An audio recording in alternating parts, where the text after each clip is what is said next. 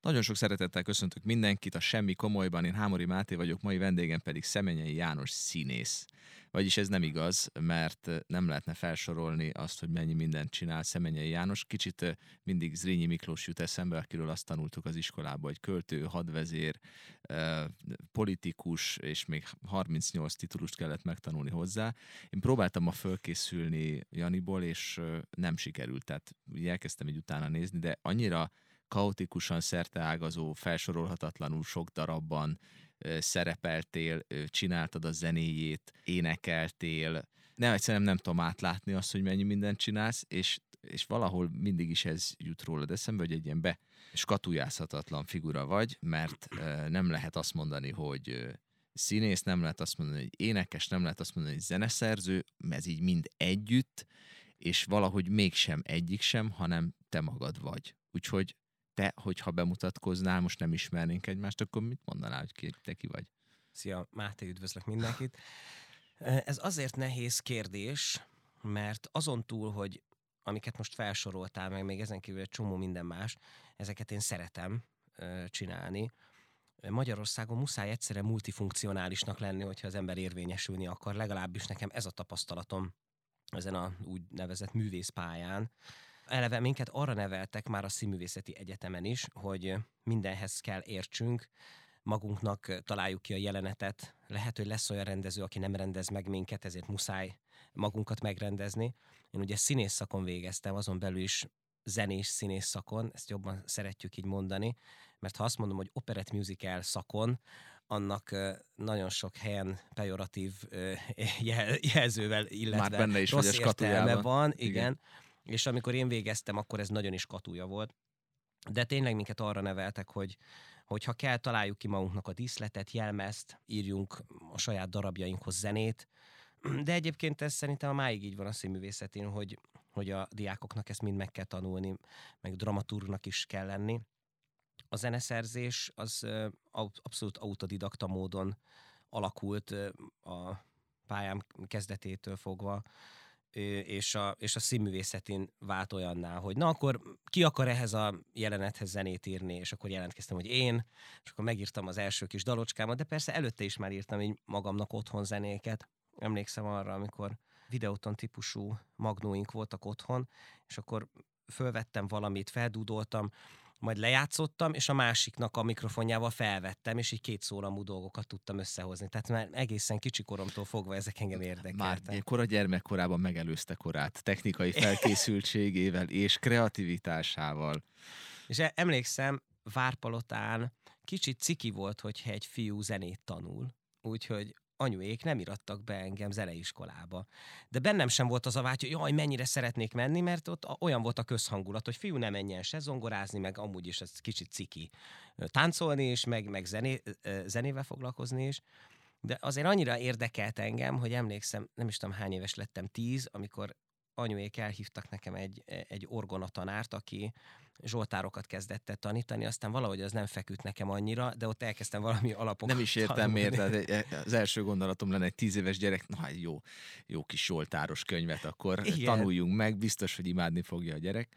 De például tanított nekem egy dalt, aminek azóta sem néztem utána, Go West, ez volt a címe, Tám, tám, ta, ta, ta, ta, ta, ez volt a dallama, és nekem a Pet Shop Boys jutott az eszembe, mert ugyan, ugyanakkor volt egy Pet Shop Boys bakelit lemezem, aminek ugyanez volt a dallama.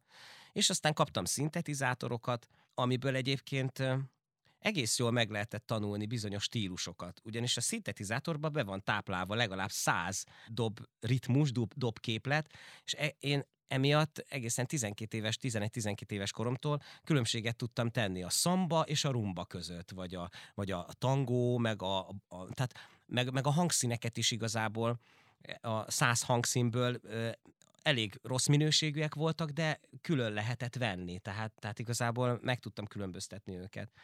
És aztán valahogy a színművészetén ez beindult, akkor rendezők hívtak már ehhez a vizsgadarabhoz írjak zenét, ahhoz, és egy, egyre inkább beindult ez a dolog, de tehát én végzettségem szerint színész vagyok igazából, és egy idő után elérkezett az a pillanat, amikor egy évadban már a fele időmet kitöltötte az, hogy zenét szerzek színházi előadásokhoz, Úgyhogy én merjem magam zeneszerzőnek mondani, azt nem tudom, de zeneszerzőként dolgozom nagyon sok helyen azóta is. Ellentétben sok zeneszerzővel, akinek papírja van róla, de nem dolgozik zeneszerzőként, mert nincsenek felkérései. Ez is egy érdekes dolog, hogy a papír az mennyit számít. Hát igen, de színészként is érdekes dolog, tehát vannak olyan színészek, akik nem végezték el a színművészetét, és mégis nagyszerű színészek. Úgyhogy ez egy kicsit körülírhatatlan, és hát még Magyarországon ez előny igazából. Külföldön az volt a tapasztalatom, hogy, hogy amikor zeneszerzőként dolgoztam például Svájcban, akkor, és mondtam, hogy én nem tudok itt lenni ezen a próbán, mert játszom, akkor furcsa szemmel néztek rám, hogy de hogy, hogy, hogy, hogy, hogy játszik, hát maga zeneszerző. Mondom, én, én színész is vagyok, Svájcban például komoly, komolytalannak vettek. Tehát, hogy döntsem már el, hogy akkor én most zeneszerző vagyok, vagy színész. De ezt nyilatkoztad is valahol, hogy, hogy azért volt, hogy hátrány, a sokoldalúságod az, az volt, hogy hátrány vált, mert az embernek az jut eszébe, hogy hát mindenhez ért egy kicsit, mindent úgy csinálgat, az, de igazából igen. semmit nem csinál igazán. Így van. Hogy ez Magyarországon nincs, mondtad, hogy Magyarországon ez inkább előny.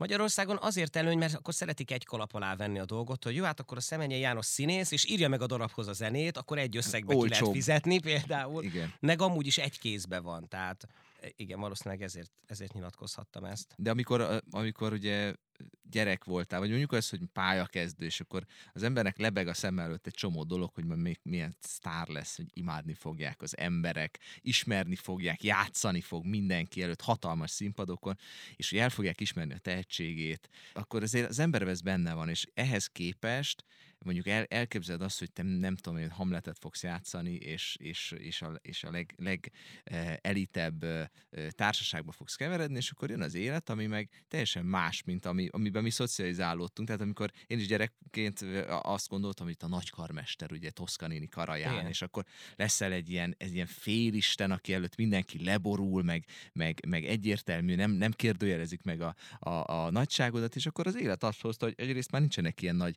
nagy sztárkar karmesterek igazából, egyáltalán nincsenek sztárok a klasszikus zenében, vagy hát amit mi annak veszünk, az is egy nagyon szűk körnek sztár, és, és hogy ilyen totálisan átváltozott ez a dolog, ráadásul sok mindent csinálsz az én szakmámban is, akkor egy picit olyan van egy ilyen félmosoly, hogy na, hát igen, igen. zenebohóc csinál mindenfélét, igen. és ez nem, ez nem esik rosszul, nem, nem, nem, nem volt az, hogy gyerekkorodban elképzeled, hogy a nagy színész, a Latinovics, és akkor ahhoz képest most, hát jó, zenét is szerezjen, aranyos, jól énekel, meg jól játszik, hogy nincs egy ilyen, vagy, vagy, vagy másképp éled ezt meg? Képzeld, de erről, erről a szüleimet kell inkább megkérdezni. Valahogy nincs olyan emlékem, hogy én azért akartam volna színész lenni, hogy nagy sztár legyen belőlem. Olyan emlékem van, hogy nézem a tévét, és de jó lenne rendőrnek lenni, de igazából nem rendőr Kisváros akarok lenni. Nem ott katonák voltak, most, de rendőr is Nem, amerikai kisváros. sorozatokat néztem, és igazából rájöttem, hogy nem rendőr, igen, nem rendőr, nem a kalambó akarok lenni, hanem az a színész, aki eljátsza a kalambót,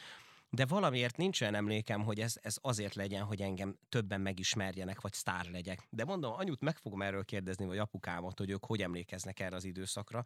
Én mindig ilyen befelé forduló alkat voltam ilyen szempontból, hogy a zenéimet is megírtam, és meg, meg eljátszottam a szerepeimet, hát mondjuk gyerekként 13 évesen voltam először színpadon, de előtte ilyen versmondó versenyek, meg, meg mesemondó versenyek úgy úgy Isten igazából olyan emlékem van, hogy magamnak akartam megfelelni, tehát hogy, hogy szerintem jó legyen az, ahogy előadom, vagy például az első musicalem, amit írtam 13 évesen a hugomnak szólt, azért, mert rettegett a kullancs elleni oltástól, és ezért írtam egy de ezt lehet, hogy szabadalmaztatod kéne, ezt biztos sokan rettegnek az oltástól, hogy kicsit kibővítenéd a hát- spektrumot, hát, és egy ilyen ne félj az oltástól musicalt írnál, szerintem kassza siker. De most vol, voltak, akik megkerestek több év távlatából, hogy emlékszem, hogy volt egy dalod a kullancs elleni oltásról, nem tudnád átküldeni, mert most nagyon jó estem, mert épp most megyek a harmadikra, vagy másodikra. Nem tudom, volt, volt ilyen megkeresésem, nagyon nevettem egyébként. És ott is az az emlékem, hogy, a hugomnak nem, nem tetszett. Akkor ő még 7 éves volt, és valahogy nem értékelte, hogy én ő neki egy musicalt írtam, pedig két napon keresztül ott volt, a se lehetett robbantani a szobából, és írtam a szebbnél szebb csodálatos dalokat mind ebben a témakörben, hogy ne akar, ne, ne félj a kullancs elleni oltástól, meg nem kell félni egy szúritól.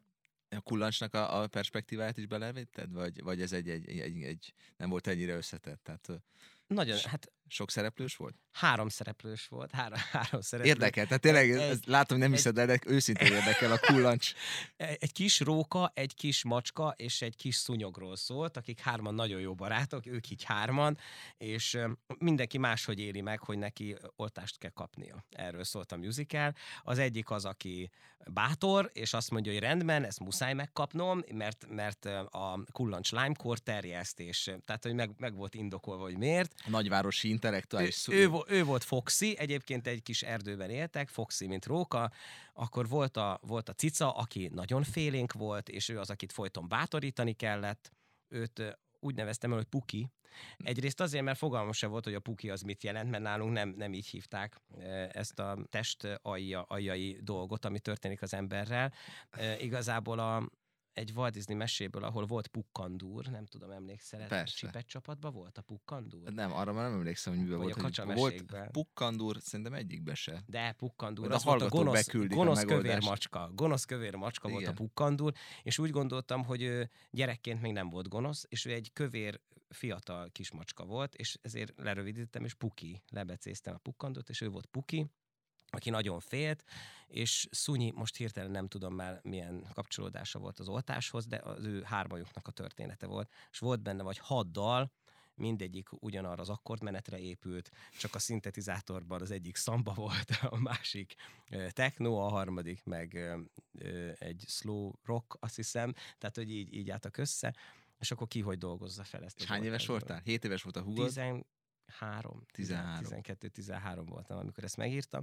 És hozzáteszem ebből az egyik dal, ez akkora sláger lett, hogy még a főiskolán is játszottam, meg még, még volt, hogy Víg Színházban voltam színész, és, és ott május 1 ünnepségen én játszottam ezt a dalt, és Figyelj, e, e, abszolút szép teljesítmény, főleg, hogyha belegondolok, hogy Mozart az első operáját 12 évesen írta, hát mindössze egy évvel előzött meg téged, e, és azt, az is egyébként nagy siker, én, én több mint százszor vezényeltem azt a darabot, a mai napig játszák, pedig hát e, igen, csak gyerek, gyerek darab még, de hogy benne van. Igazából benne van a későbbi Mozartnak minden, benne van a szerelem a maga módján, benne van a, a, a nagy a szarasztrónak a figurája egy varázsló formájában, van benne humor, meg minden, hogy ezek a korai darabok nagyon vicces egyébként. Nekem is van egy, egy misém, amit rejtegetek és titkolok, és Ó. anyám most kitalálta, hogy ezt elő kéne adni, mondta, hogy nem kéne előadni, tehát ez, ez, ez már nem az a kategória, de hogy így vissza, most így eszembe jutott, hogy ő emlegette ezt, és visszagondoltam rá, hogy, hogy annyira fura, hogy, hogy minden olyan téma, meg minden olyan olyan alapvető dolog már egy picit ilyen csírájában benne volt ebben a Igen. korai dologban, hogy, hogy most így mondtad a- az első musicaled, és ugye azóta rengeteg zenét írtál, meg, megrendelésre is, gondolom, hogy, hogy belső késztetésből is írsz, meg Az nem dolgozol. igazán. Az nem, nem mert hál' Istennek, tehát ilyen szempontból szerencsés vagyok, hogy a munkák eddig legalábbis egymás után jöttek, mint színészként, mint zeneszerzőként, Úgyhogy nem nagyon volt olyan, hogy nekem annyi szabadidőm legyen, hogy azt mondjam, hogy na akkor én most írok úgy egy darabot, hogy ami, amit én gondolok. Ami lehet, hogy jó lett volna, mert akkor elgondolkodnék, hogy mi az a téma, amihez szívesen nyúlnék, de erre soha nem volt idő. Tehát mind, mindig az volt, és mondom, ez egy szerencse, hogy volt egy színházi felkérés, amire kellett írni, de természetesen abban mind megpróbáltam beletenni magamat, és de emiatt nincs igazán olyan dal, ami az asztalfiókban lenne. Hál' Istennek, Mozartnak se volt. Ha már folytatjuk ezt a párhuzamot itt, majd biztos megszólnak, hogy ilyet, ez egyáltalán eszembe jutatott, de hogy egyébként tényleg, de, de, hát, akit foglalkoztatnak, annak nincs ideje arra, hogy inspirációból írjon. Most ezt ér, értsük jól, az inspirációból Igen. írjon, mert mindig inspirációból írsz nyilván, mert anélkül nem lehet Igen. két hangot se leírni, de, Csak de ez hogy- az alkalmazott zeneszerzés, ez igazából ez tényleg nem csak rajtam múlik, mert először is ott van az író, aki megírja a darabot, ott van a megrendelő, aki mondjuk egy színházigazgató, akinek van valamilyen elképzelése, hogy mit szeretne a színházában, és ott van még a rendező is, akinek szintén van beleszólása a dologba. Tehát az nagyon ritka, amikor teljes szabad kezet kapok alkalmazott zeneszerzőként, hogy azt írhatok, amit akarok. De mondjuk pozitív példa volt, amikor Jordán Tamás felújítatta a szombathelyi Vörös Sándor színházat, és a nyitó előadás az ember tragédiája volt, amihez engem kért fel zenét írni, és teljesen szabad kezet adott, tehát, tehát mindegyik színhez olyan zenét komponálhattam, amit akartam, és elküldtem neki, megmutattam, minimális dolgokat beleszól, de ez egy nagy, nagyszerű munka volt ilyen szempontból, hogy rám bízta az egészet. Egyébként nekem is az a tapasztalatom, hogy azok a legjobbak, amikor olyan emberekkel dolgozol együtt, hogy rábízhatod, tehát elengedheted teljesen a, a kezét, és nem kell folyamatosan ellenőrizni. Ezekből szoktak a legszuperebb dolgok születni, és majd rá is térek a mi közös munkáinkra is, mert hogy azok is tulajdonképpen abszolút így születtek, most a Dicter Libe, de a, a Winterreise is egy picit hasonló volt, hogy ugye volt a kullancs, és akkor a kullancsot követte még hány, tehát hogy mondtad az első musicaled, most hogyha, amit musicalnek lehet nevezni, mondjuk hány, hányat írtál, vagy hány? Hát ez volt 13 évesen, aztán utána, hogy tinédzser lettem, engem nagyon elragadott ez a 90-es éveknek a popzenéje, a lányegyüttesek, fiúegyüttesek, akkor elkezdtem kőkeményen popzenéket írni, és drámatagozatos gimnáziumba jártam, ahol erre nagyon vevőek voltak az osztálytársaim, tehát volt fiúbandánk, én, én a meghatározott sémák alapján rádióbarát slágereket gyártottam. Picasso Branch és Shy Guys. Abszolút, abszolút, igen. De volt. akkor volt ilyen, volt ilyen 6 számmal nagyobb fehér ingedek. Hogyne, amiben... persze, meg női bunda. Tehát ugye ez akkor nagyon ment, vagy fehér ing kigombolva, vagy nő, női bunda. Vagy együtt a, a kettő. Mezítláb, Persze, és az... akkor adtunk elő dalokat, koreográfiával. Aki nem tudott énekelni, annak természetesen repbetétet írtam. Ez már és akkor ez... is működött. Igen, igen, és ezek még mindig a kis Yamaha szintetizátoromnak a Ugyanaz a szintetizátor Két volt? szintén volt, volt egy Casio, egy tényleg egy pici, meg egy Yamaha, ami egyen, egyen már nagyobb volt, de, de abban a stílusban teljesen jó alapokat lehetett hozzágyártani.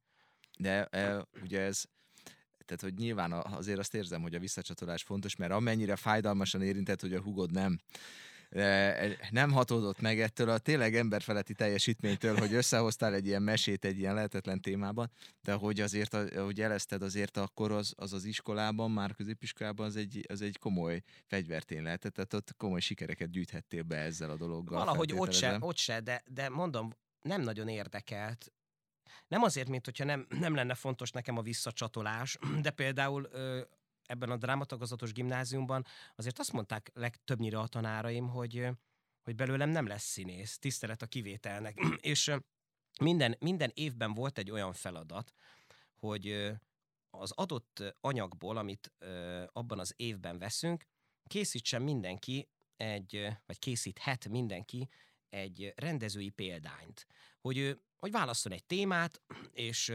díszletet, jelmez, zenét, darabot, tehát valahogy, valahogy oldja meg. És ha jól emlékszem, az egész osztályból én voltam az egyetlen, aki ezt elkészítette, és az évad végén prezentáltam.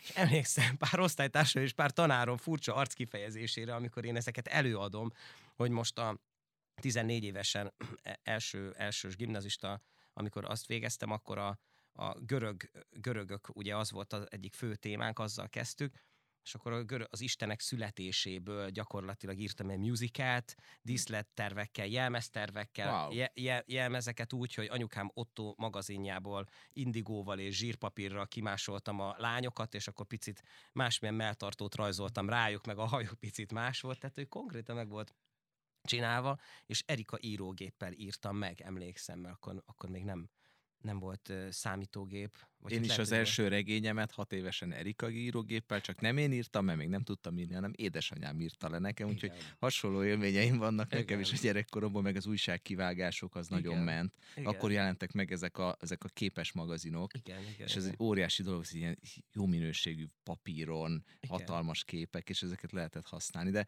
de hogy, és akkor e, ezen csodálkoztak, mondtad hogy egy fél mondatta, hogy ugye minden tanárod meg volt győződve, hogy na belőled nem lesz színész. Hát nem minden, de úgy, hogy a több, többség, többség. Ez volt a többségi igen. vélemény. De engem ez nem húzott le egyébként. Hát azt látom, hogy nem hagytad magad lehúzni, mert most gyakorlatilag, most ugye ugrunk az időben egy szolid, nem tudom én, 20, 20 évet, és most az van, hogy téged egyeztetni az egyik legnehezebb feladat ma a magyar színházi szakmában, tehát téged egyszerre hét színházzal kellett egyeztetni most, hogy a Dikterlik belőadásokra ráérjél.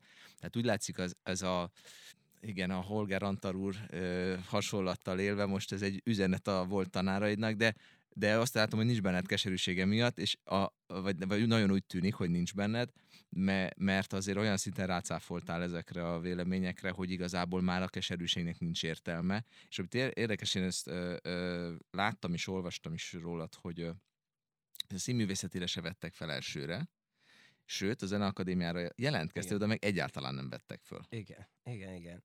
Hát azért a színművészetire azért nem vettek fel, mert annak ellenére, hogy engem érdekelt a zene, meg érdekelt a színház, én mégse voltam az az alkat, aki állandóan színházba járjon, és képbe legyen a színészóriásokkal, és tudjam azt, hogy milyen stílusban érdemes játszani. Tehát ez is az, amit a beszélgetésünk elején mondtam, hogy viszonylag magamba forduló alkat voltam. Tehát ez a zeneszerzésemre is jellemző egyébként, hogy ha egy adott témában vagy stílusban kell zenét írnom, akkor nem feltétlenül hallgatok abban a stílusban más előadóknak a műveit, hanem, hanem nem tudom, tényleg abból indulok ki, amit, amit én gondolok, vagy, ami, vagy amit én érzek, és fogalmam sem volt, hogy hogy kell színésznek lenni, hogy tehát tényleg jelentkeztem, és szerintem egy teljes őrült ember lehettem ott az, az első felvételimen, és azért nem vettek fel, de aztán a későbbi osztályfőnököm de várj, ezt nem értem, mert az, az őrültség, az, tehát ha én eszi művészeti egyetemen felvételiztetek, akkor az őrületet azt keresem, nem meg. Tehát, hogy a, hát lehet, hogy ezt látta meg bennem a, a későbbi osztályfőnököm, mert ő az első rostán tovább engedett, aztán a másodikra, másodikon nem sikerült, de ő leszerződtetett a, a színházába stúdiósként, és akkor én ott találkoztam először azzal, hogy milyenek a színészek, vagy egyáltalán akkor kóstoltam bele abba, hogy milyen a színház, és aztán végül ő indította a következő osztályt, úgyhogy így kerültem be az osztályába. De előtte nekem lövésem nem volt arról, hogy hogy kell játszani, vagy hogy melyik az a színház, ahova érdemes menni, nézni, hogy na ezek Ez a a tanárod, színészek. akiről beszélünk, az Kerény Imre volt, ugye? Igen, igen, a Kerény Imre volt. Igen, ezt most így nem, nem mondtad ki, és ugye annak is van oka, hogy ezt nem mondtad ki, uh, szerintem, és nem akarok ebbe, ebbe az irányba elmenni, mert igazából fölösleges, vagy egy ilyen túl, túl uh, dimenzionált téma, de hogy ugye a szín, színházban, hál' Istennek a zenében ez még egyenlőre nincs így, a színházban vannak ilyen óriási, ilyen megkerülhetetlen árkok, és igen. ezek ilyen nagy figurákhoz kötődnek, most azt mondom, hogy Vignyánszki Attila, igen, azt igen. mondom, hogy Kerényi Imre, vagy azt mondom, hogy Máté Gábor, igen. vagy azt mondom, hogy nem tudom én. Abszolút. Tehát, hogy ezek, ezek a figurák, hogy te, te, te kihez tart, ki volt az osztályfőnököd, ki, és te mit, hogy ez, ebbe te hogy tudtál, mert ugye én, én azt képzelem, így, így, így a, a, téged ismerve, hogy neked egy tök jó ilyen menekülő út, hogy te zeneszerző vagy. Amikor zeneszerző vagy, akkor egy tök jó út az, hogy te színész vagy. Tehát, hogy így, amikor éppen hogy békében tud csinálni a dolgaidat, mindig van egy ilyen lugas, ahova egy el tudsz, ja. el tudsz viszont menekülni, hogy, hogy kellett neked ezzel foglalkozni, hogy ki hova sorol, meg milyen politikai baromság jön éppen Hát szembe? a politikai részével szerintem egyikünk se foglalkozott, amikor a főiskolára jártunk, és pont most, amikor volt ez, ugye, ez az SZF-és őrület, ami most pár éve zajlott, kezdeményeztem az osztálytársaim között, hogy abban az időszakban mindenki megszólalt, és hogy mi is szólaljunk meg, mert nagyon erősen bekategorizálták azt, hogy Kerény Imre volt az utolsó olyan tanár, aki ilyen meg olyan ideológiát vitt be a színművészetire, és Hát én is tudom, hogy Kerény Imre miket csinál, tehát tisztában vagyunk ezzel, de az biztos, hogy, hogy a mi osztályunkban semmiféle ideológiát nem vitt be. Tehát olyan szinten távol tartott minket a politikától, hogy fogalmunk se volt például egészen negyed év végéig arról, hogy ő egyáltalán melyik irányba húz, hogy jobboldali vagy baloldali. Egyszerűen nem foglalkoztunk ezzel. Most már szerintem ez teljesen más, mert már, már a mostani 18 évesek már sokkal jobban képbe vannak a politikai irányzatokkal, meg, meg mindenféle... Legalábbis úgy gondolják. Vagy úgy gondolják, én biztos vagyok benne, hogy akkor minket ez egyáltalán nem érdekelt. És az, hogy a tanárainkat, vagy a színművészetén a vezetőket ez mennyire befolyásolta, mi azt úgy éltük meg, hogy minket egy kicsit úgy éreztük, hogy lenéznek, de nem a politikai vonal miatt, hanem amiatt, hogy mi, mi vagyunk a musicalesek. És mm. valamiért úgy voltunk kezelve, hogy a musicalesek azok, hát azok tudnak énekelni jó, és ennyi. Mi meg úgy gondoltuk, hogy de hát aki musical tud énekelni, annak igazából többet kell tudnia, mint egy prózai színésznek, mert jónak kell lenni prózában is, és énekelni is tudni kell. De valahogy ez nem, nem így volt akkor kialakulóban. És amikor elvégeztük a, az egyetemet, akkor például egy nagy zenés színházhoz szerződni, az egy nagyon-nagyon erős döntés volt, mert még nem volt még akkora átjárás a színházak között, mint most, hogy a Madácsban és az operetben is láthatunk olyan színészeket, akik az örkényben vannak leszerződve, vagy a Katona József színházban. Tehát olyan átjárás van, hogy ez teljesen felborult, és ez nagyon jót tesz a zenész színház műfajának is, meg a prózai színháznak is ez a, ez a, ez a kapcsolódás, de akkor, aki, aki elszerződött a madácsba, azonnantól kezdve madácsos volt. Vagy operetbe, operett, ez a két monopól színház volt, és hogyha én akkor elszerződöm valamelyik nagy színházba, hogy az szóba is került egyébként a diplomám után, lehet, hogy most nem ülünk itt, és nem beszélgetünk, mert akkor más irányt vesz. Igen, és nagyon érdekes, hogy mennyire megváltozott, amit te is mondtál, hogy ma gyakorlatilag az van, hogy bemész az Örkény Színházba, ott minden darab zenés darab, igazából már, minden énekes, vagy minden színésznek énekelni is kell. Igen. Sőt, ugye ott van is olyan ö, társulati tag, a Borsi Balog Máté, aki a Winter Rise-t énekel egyébként, igen. mint amit mi is csináltunk, vagy egy másik előadás, de, de hasonló koncepcióval, és hogy ez ugyanez van a katonában, tehát a vezető elit színházakban is most már ez van, teljesen értelmetlen ez a skatujázás, hogy mi van. Az operetben is korábbi években mentek komoly darabok, kortárs darabok, most is vannak. A madács is ugye változatosabbá vált egy picit. Igen. Tehát, hogy össze, össze összeértek ezek a különféle műfajok, ami ugye látszólag, sőt, hát valójában is neked, és a, a hozzád hasonló típusú előadóművészeknek mondjuk így, jót tesz, mert hát hogyha most végignézünk azon, hogy te mikben vagy most benne, említetted a Madácsot, operettet, Kecskeméten van a főadiszállásod, a Kecskeméti igen. Katona József Színházban, vagy már nagyon régóta leszerződve. Hát igen, már több mint tíz éve. Társulati igen. tag, és amellett viszont a Proton Színházban játszol több előadásban, ugye, ami Mondrucó Kornélnak a, a, a színháza, és mi ennek kapcsán ismerkedtünk egyébként meg, hiszen ugye én Mondrucó Kornélt kerestem meg, hogy a Winter Rise-t csináljuk meg a Hans féle verzióba, és ő hozott be téged ebbe az egészbe. Én nagyon hálás is vagyok neki ezért. Gyakorlatilag mindenhol, mindenhol játszol, de hogy mégis, hogyha azt mondom, és, és rengeteget dolgozol, írsz, stb. nincs egy percet se, az is egy hihetetlen mázli, hogy most ezt össze tudtuk hozni, és most van egy órád erre, hogy itt beszélgessünk. De hogy van-e benned most így, mennyi vagy, 40 múltál, van-e Igen. benned hiányérzet, vagy van-e most olyan cél előtted, vagy olyan, na, szerettem volna, nem tudom, ennek is ennek a színháznak azért szívesen lennék, vagy lettem volna a tagja, és egy picit ezt sajnálom, hogy még nem vagyok, vagy nem leszek, vagy nem Hiányérzet voltam. folyamatosan van bennem, mert soha nem vagyok elégedett igazából se színészi munkámmal, se zeneszerzői munkámmal, aztán most ebben már beletörődtem, hogy ez már mindig így lesz. Folyamatosan azt keresem. Reméljük. Kezdj el gyanakodni, hogyha egyszer csak azt mondja, na most jó voltam, igen, ide, igen. Akkor, akkor az valami, valami rossznak a kezdete. Tehát én alapvetően, bár sokan nem gondolják ezt, de, de olyan, olyan alkat vagyok, aki soha nem elégedett, és folyton azt keresi, hogy, hogy miben, miben lehetne jobb, vagy vajon eléggé megfelel-e annak a közegnek, ahol éppen van. Most nem úgymond megfelelési kényszer van bennem, de, de nagyon sokszor kevésnek érzem magam azokon a helyeken, ahol éppen vagyok. Tehát például Winterreise és Dichterliebe, amit közösen csináltunk, ott rögtön az volt bennem, hogy klasszikus énekhangon kell énekelni, aki valaki azt évtizedekig tanulja, és hogy vajon, vajon elég vagyok-e én, aki, akit végig úgy tanítottak énekelni, hogy melhangon, meg musical, meg pop műfajban, ugye a színművészetén is, és, és hogy vajon meg tudok ennek felelni, úgyhogy ezek nekem mindig hatalmas kihívás. De meg tudtál felelni, és ez, ez úgy történt ez a dolog, hogy a, a Kornél ugye felvetette a te nevedet ez a produkcióhoz, és akkor hát jó, de hát mit lehet, mit lehet tudni erről a srácról, hogy színész, de hogy hát jó, hát szokott énekelni, jó. Igen. És akkor volt egy felvételed, egy Nessun Dormát énekeltél, e, és azt, azt megmutatta nekem a Kornél, és az nekem tökéletesen elég volt az a Nessun Dorma, mert, mert egyrészt a, a zenei tehetséged, az, hogy van hangod, tehát van egy Isten áldotta adottságod, és, és hogy van egy magas, magas szintű zeneiséged, ez abszolút elég volt, és ha belegondolsz abba, hogy a, a 20. század elején, a, a karúzó időszakban a legnagyobb énekeseket, ezek nem, ezek nem tanultak, nem jártak zeneakadémiára, ezeket kora, kora ifjúságban vagy felnőtt fejjel felfedezte valaki, és ide kapcsolódik egy nagyon szép történet, ami személyes. Az én dédapám Szegeden volt vasúti, vasútas, vasúti tiszt, akkor az egy nagy dolog volt, de ő egy elég elviselhetetlen ember volt, viszont énekelni nagyon szeretett. És hát mit énekelt akkoriban? Opera áriákat énekelt. És egyszer a Triesti gyors jött, és ő volt a, a vasúti tiszt, és leszállt a Triesti gyorsul egy opera impresszárium, mert meghallotta a dédapámat énekelni, és le, el akarta vinni, le akarta szerződtetni. Mire a dédapám mondta, hogy ne, minek néz maga engem, én egy komoly ember vagyok, én itt a vasútnál dolgozom, mert nem, én ilyesmivel nem foglalkozom, Igen. és még meg is sértődött.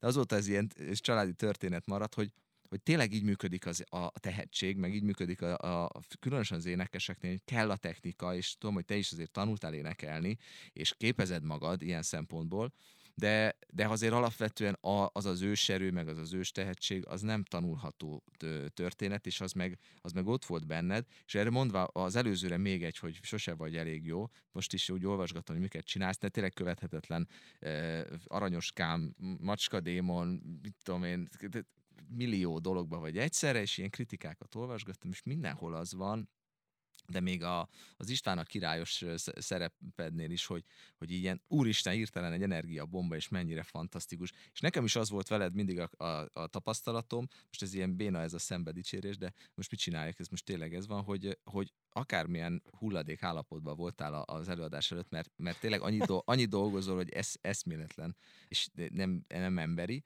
az előadás az mindig egy ilyen átkattint, átkattint egy ilyen, egy ilyen kapcsolót, és ott hirtelen egy az energia valonnan előtör, és ez annyira jó, én, én is ezt szerettem, és a legjobb koncertjeim akkor voltak, mikor, mikor ö, hányásos ö, ja. víruson mentem át, nem volt bennem semmi, semmi, átmenni nem tudtam a zebrán, és utána kellett vezényelnem és Sostakovics 11. szimfóniát a Zeneakadémián, és valami olyan energia jött, nem tudom, hogy honnan, tehát előtte se voltam magamnál, utána Aha. se voltam magamnál. És, és mégis akkor. És nálad dettó ugyanez, vagy nem nagyon láttalak még ilyen alul teljesítő, vagy, vagy ilyen félgőzön teljesíteni. Nem, azt nem szoktam, nem szoktam félgőzzel.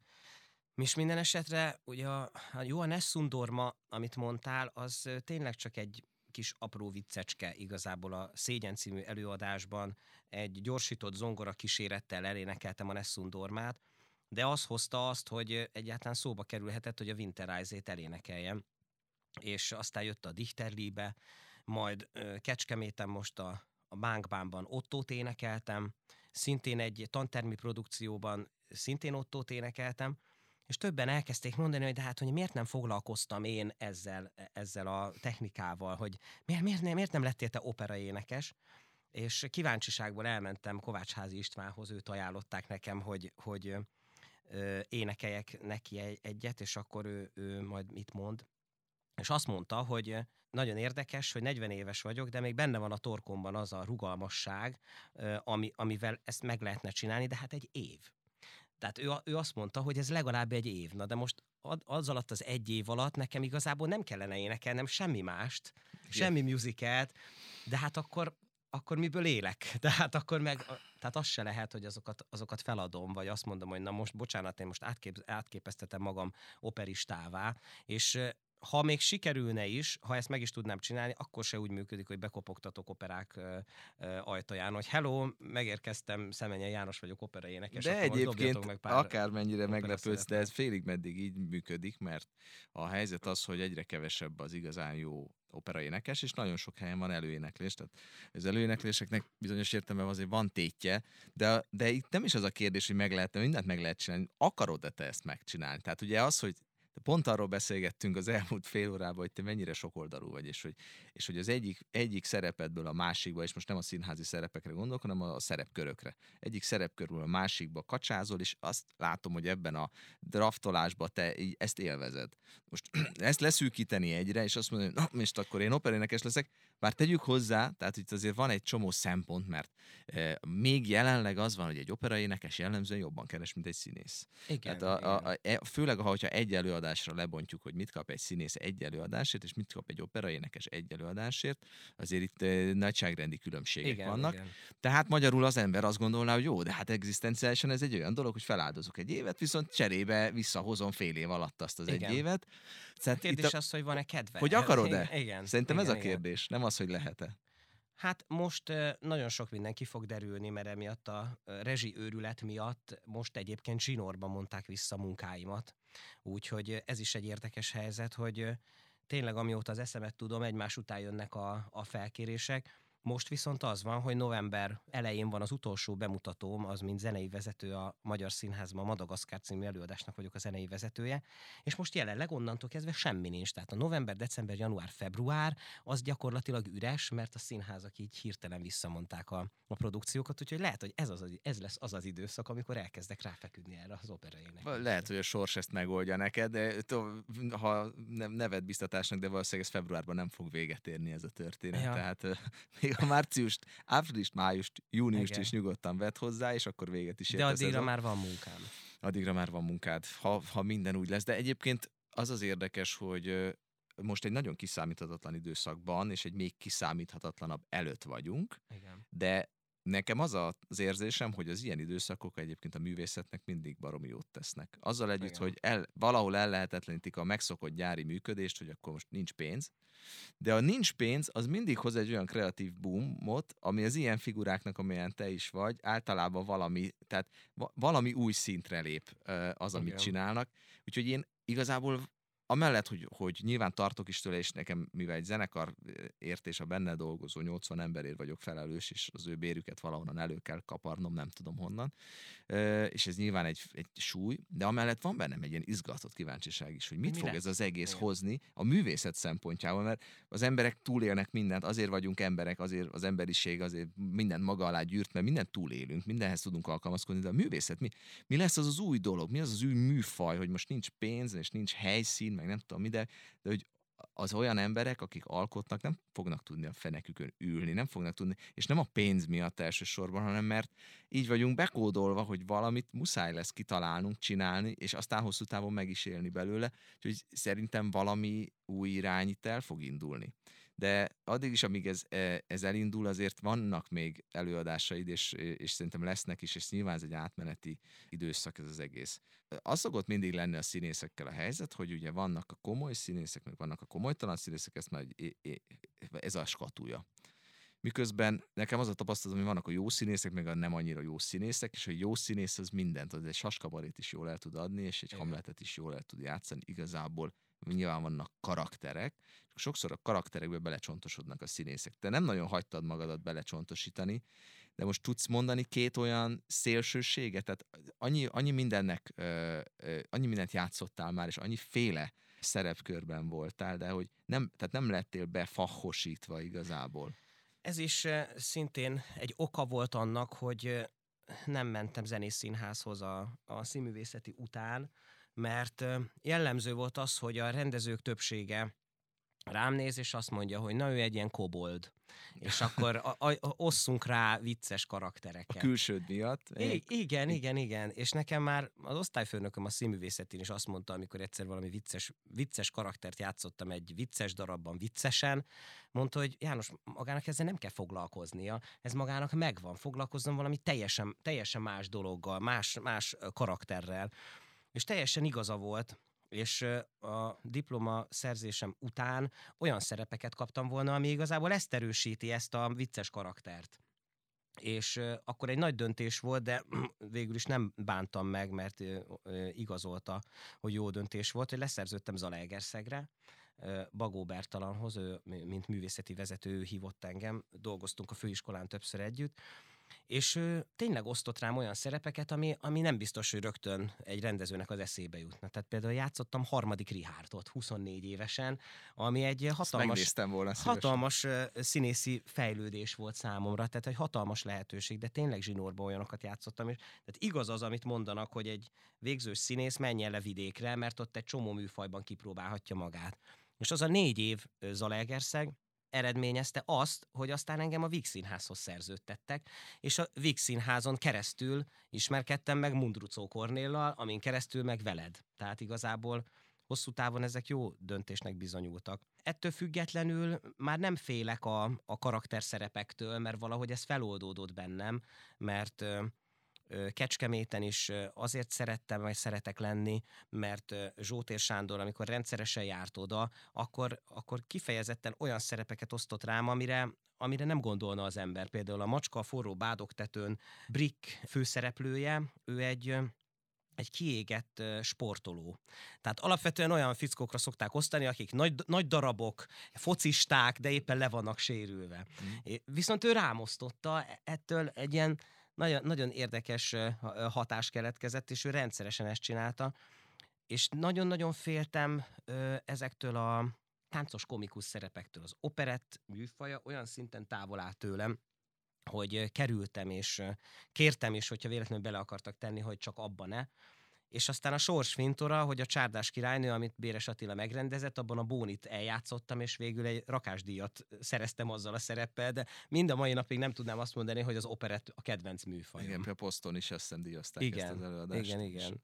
Tehát persze, de ki mondja azt, hogy az operett a kedvenc műfaja, tehát ezt nem hiszed el idézőjelbe egy komoly embernek, miközben az operettnél nehezebb műfaj nem nagyon létezik, pont azért, mert egyszerre kell könnyednek lennie, egyszerre kell profinak lennie, egyszerre kell sármosnak lennie, Igen. és zeneileg makulátlannak. Ha az operett zeneileg nem makulátlan, akkor bénává válik. Hát É- igen. És ez benne, ezért én például én is tartok az operett műfajától, pedig elég sok műfajban És tevékenykedem. már valahol? Vezény, hát teljes operettet még képzeld nem. Én, én nekem is volt egyszer egy kacérkodásom, ugye majdnem a Csárdás királynőt vezényeltem az operettben, de aztán azt, azt végül nem, nem vállaltam be. De hogy valahol ott van a fejemben, hogy ezzel is, ez is majd Igen. jön, de kb. úgy annyira félek tőle, mint a barokk zenétől, tehát hogy hasonlóan Igen. nehéz műfaj, de hogy, hogy neked ez meg tényleg mint kés a vajba úgy, úgy megy, de hogy igazából egy, egy olyan poszt van, vagy nem tudom, pozíció, ami még talán nem csináltál, vagy lehet, hogy tévedek ebben, de hogy említetted, hogy zenei vezető a, a Pesti Magyar. Színházban ott voltál, Igen. és ugye most is vannak feladataid Igen, ott,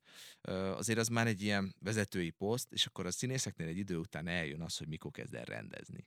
Ja. Nálad ez Úgy voltam vele, hogy, hogy úgy nem érdekelt a rendezés, hogy gyűjtögessem a témákat, hogy mit szeretnék megrendezni. Valahogy éreztem, hogy valahogy egyszer csak biztos e, meg fog érkezni, de én nem sürgettem ezt a dolgot. És rendeztem egyébként két darabot is, egyébként mind a kettő pont a madácsba ment, csak a Covid elmosta őket, és azok közül a főleg az utóbbi, ez a bolyongók, ez kifejezetten jól sikerült, csak tényleg pont a Covid előtt történt, volt belőle hat előadás. És ami az érdekes, hogy ezek keveset mentek, tehát úgy nem lehet benne a köztudatban az, hogy én rendezek, és most már talán ezt mondhatom, egyszer csak kaptam egy e-mailt a műpától, hogy nagyon szeretnék, hogy megrend, megrendezzek egy, egy kortárs gyerekoperát, és teljesen csodálkoztam, hogy, hogy honnan gondolják, hogy én erre képes vagyok.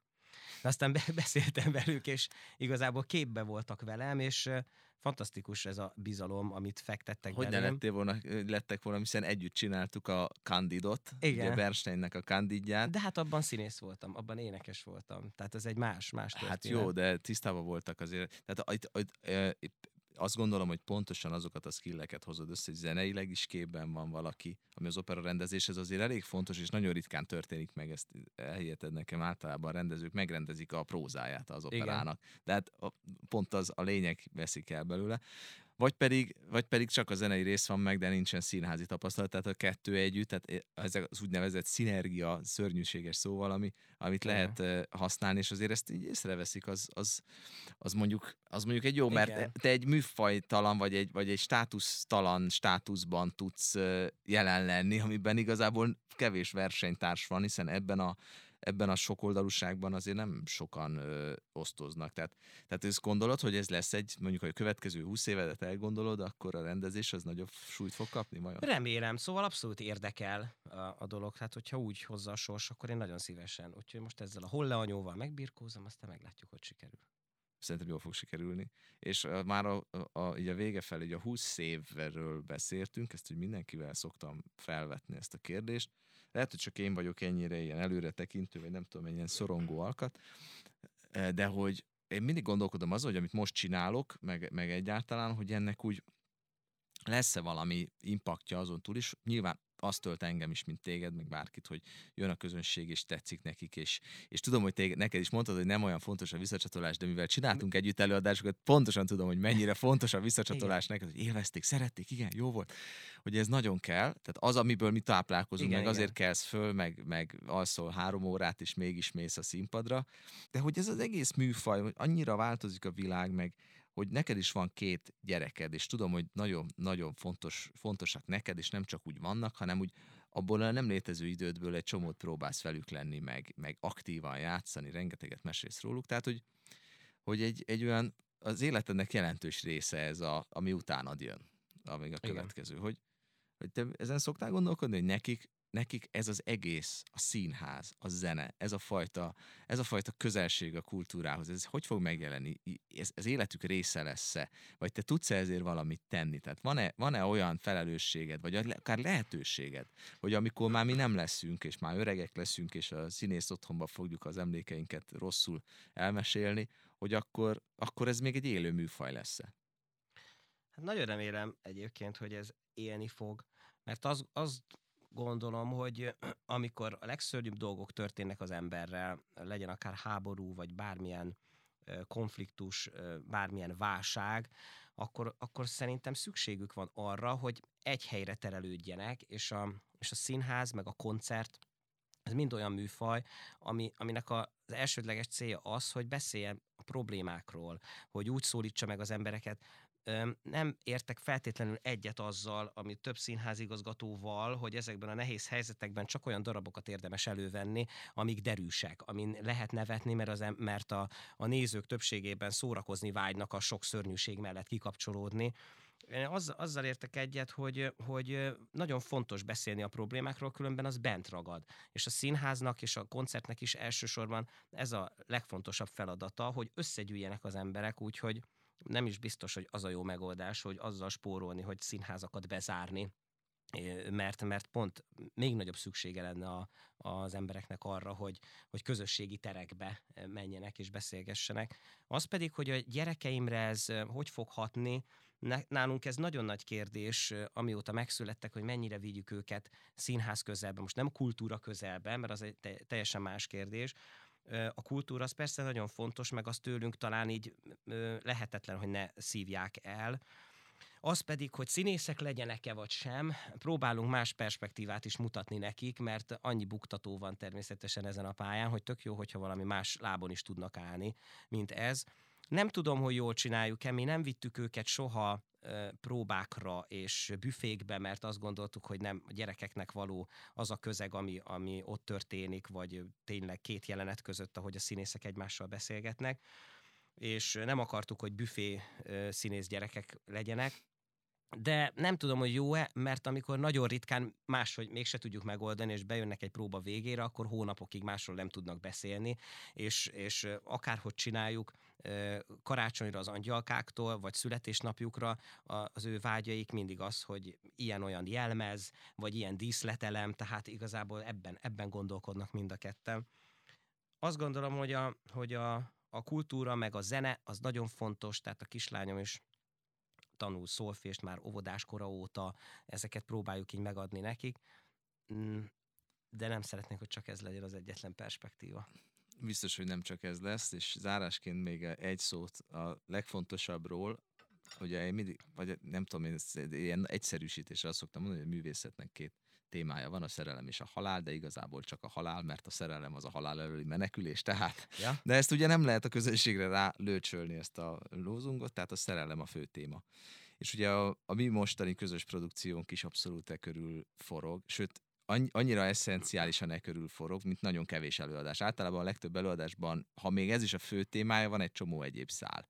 És azért szeretem nagyon a Dichter Libe előadást, amit ugye a Horváth Lili rendezett, és az Átriumban fut, és te vagy az egyetlen ö, ö, olyan szereplője, aki végig színen van, Rochna Fanni még ugye Igen. a másik szereplő, és ez a különlegességű és film, amit Lili rendezett, aminek szintén te vagy a főszereplője, és, a, és az ott az élőben elhangzó, na, zenekari kísérettel elhangzó Dichter Libe daloknak egy ilyen érdekes szövedéke az egész, de valójában tényleg nincsen más témája, mint ilyen eszenciálisan csak a szerelem, és a szerelem, ami nem boldog, hanem egy ilyen meg nem talált, vagy már elvesztett, vagy egy ilyen a, a megtalálás pillanatában elvesztett, vagy elképzelt szerelemről szól.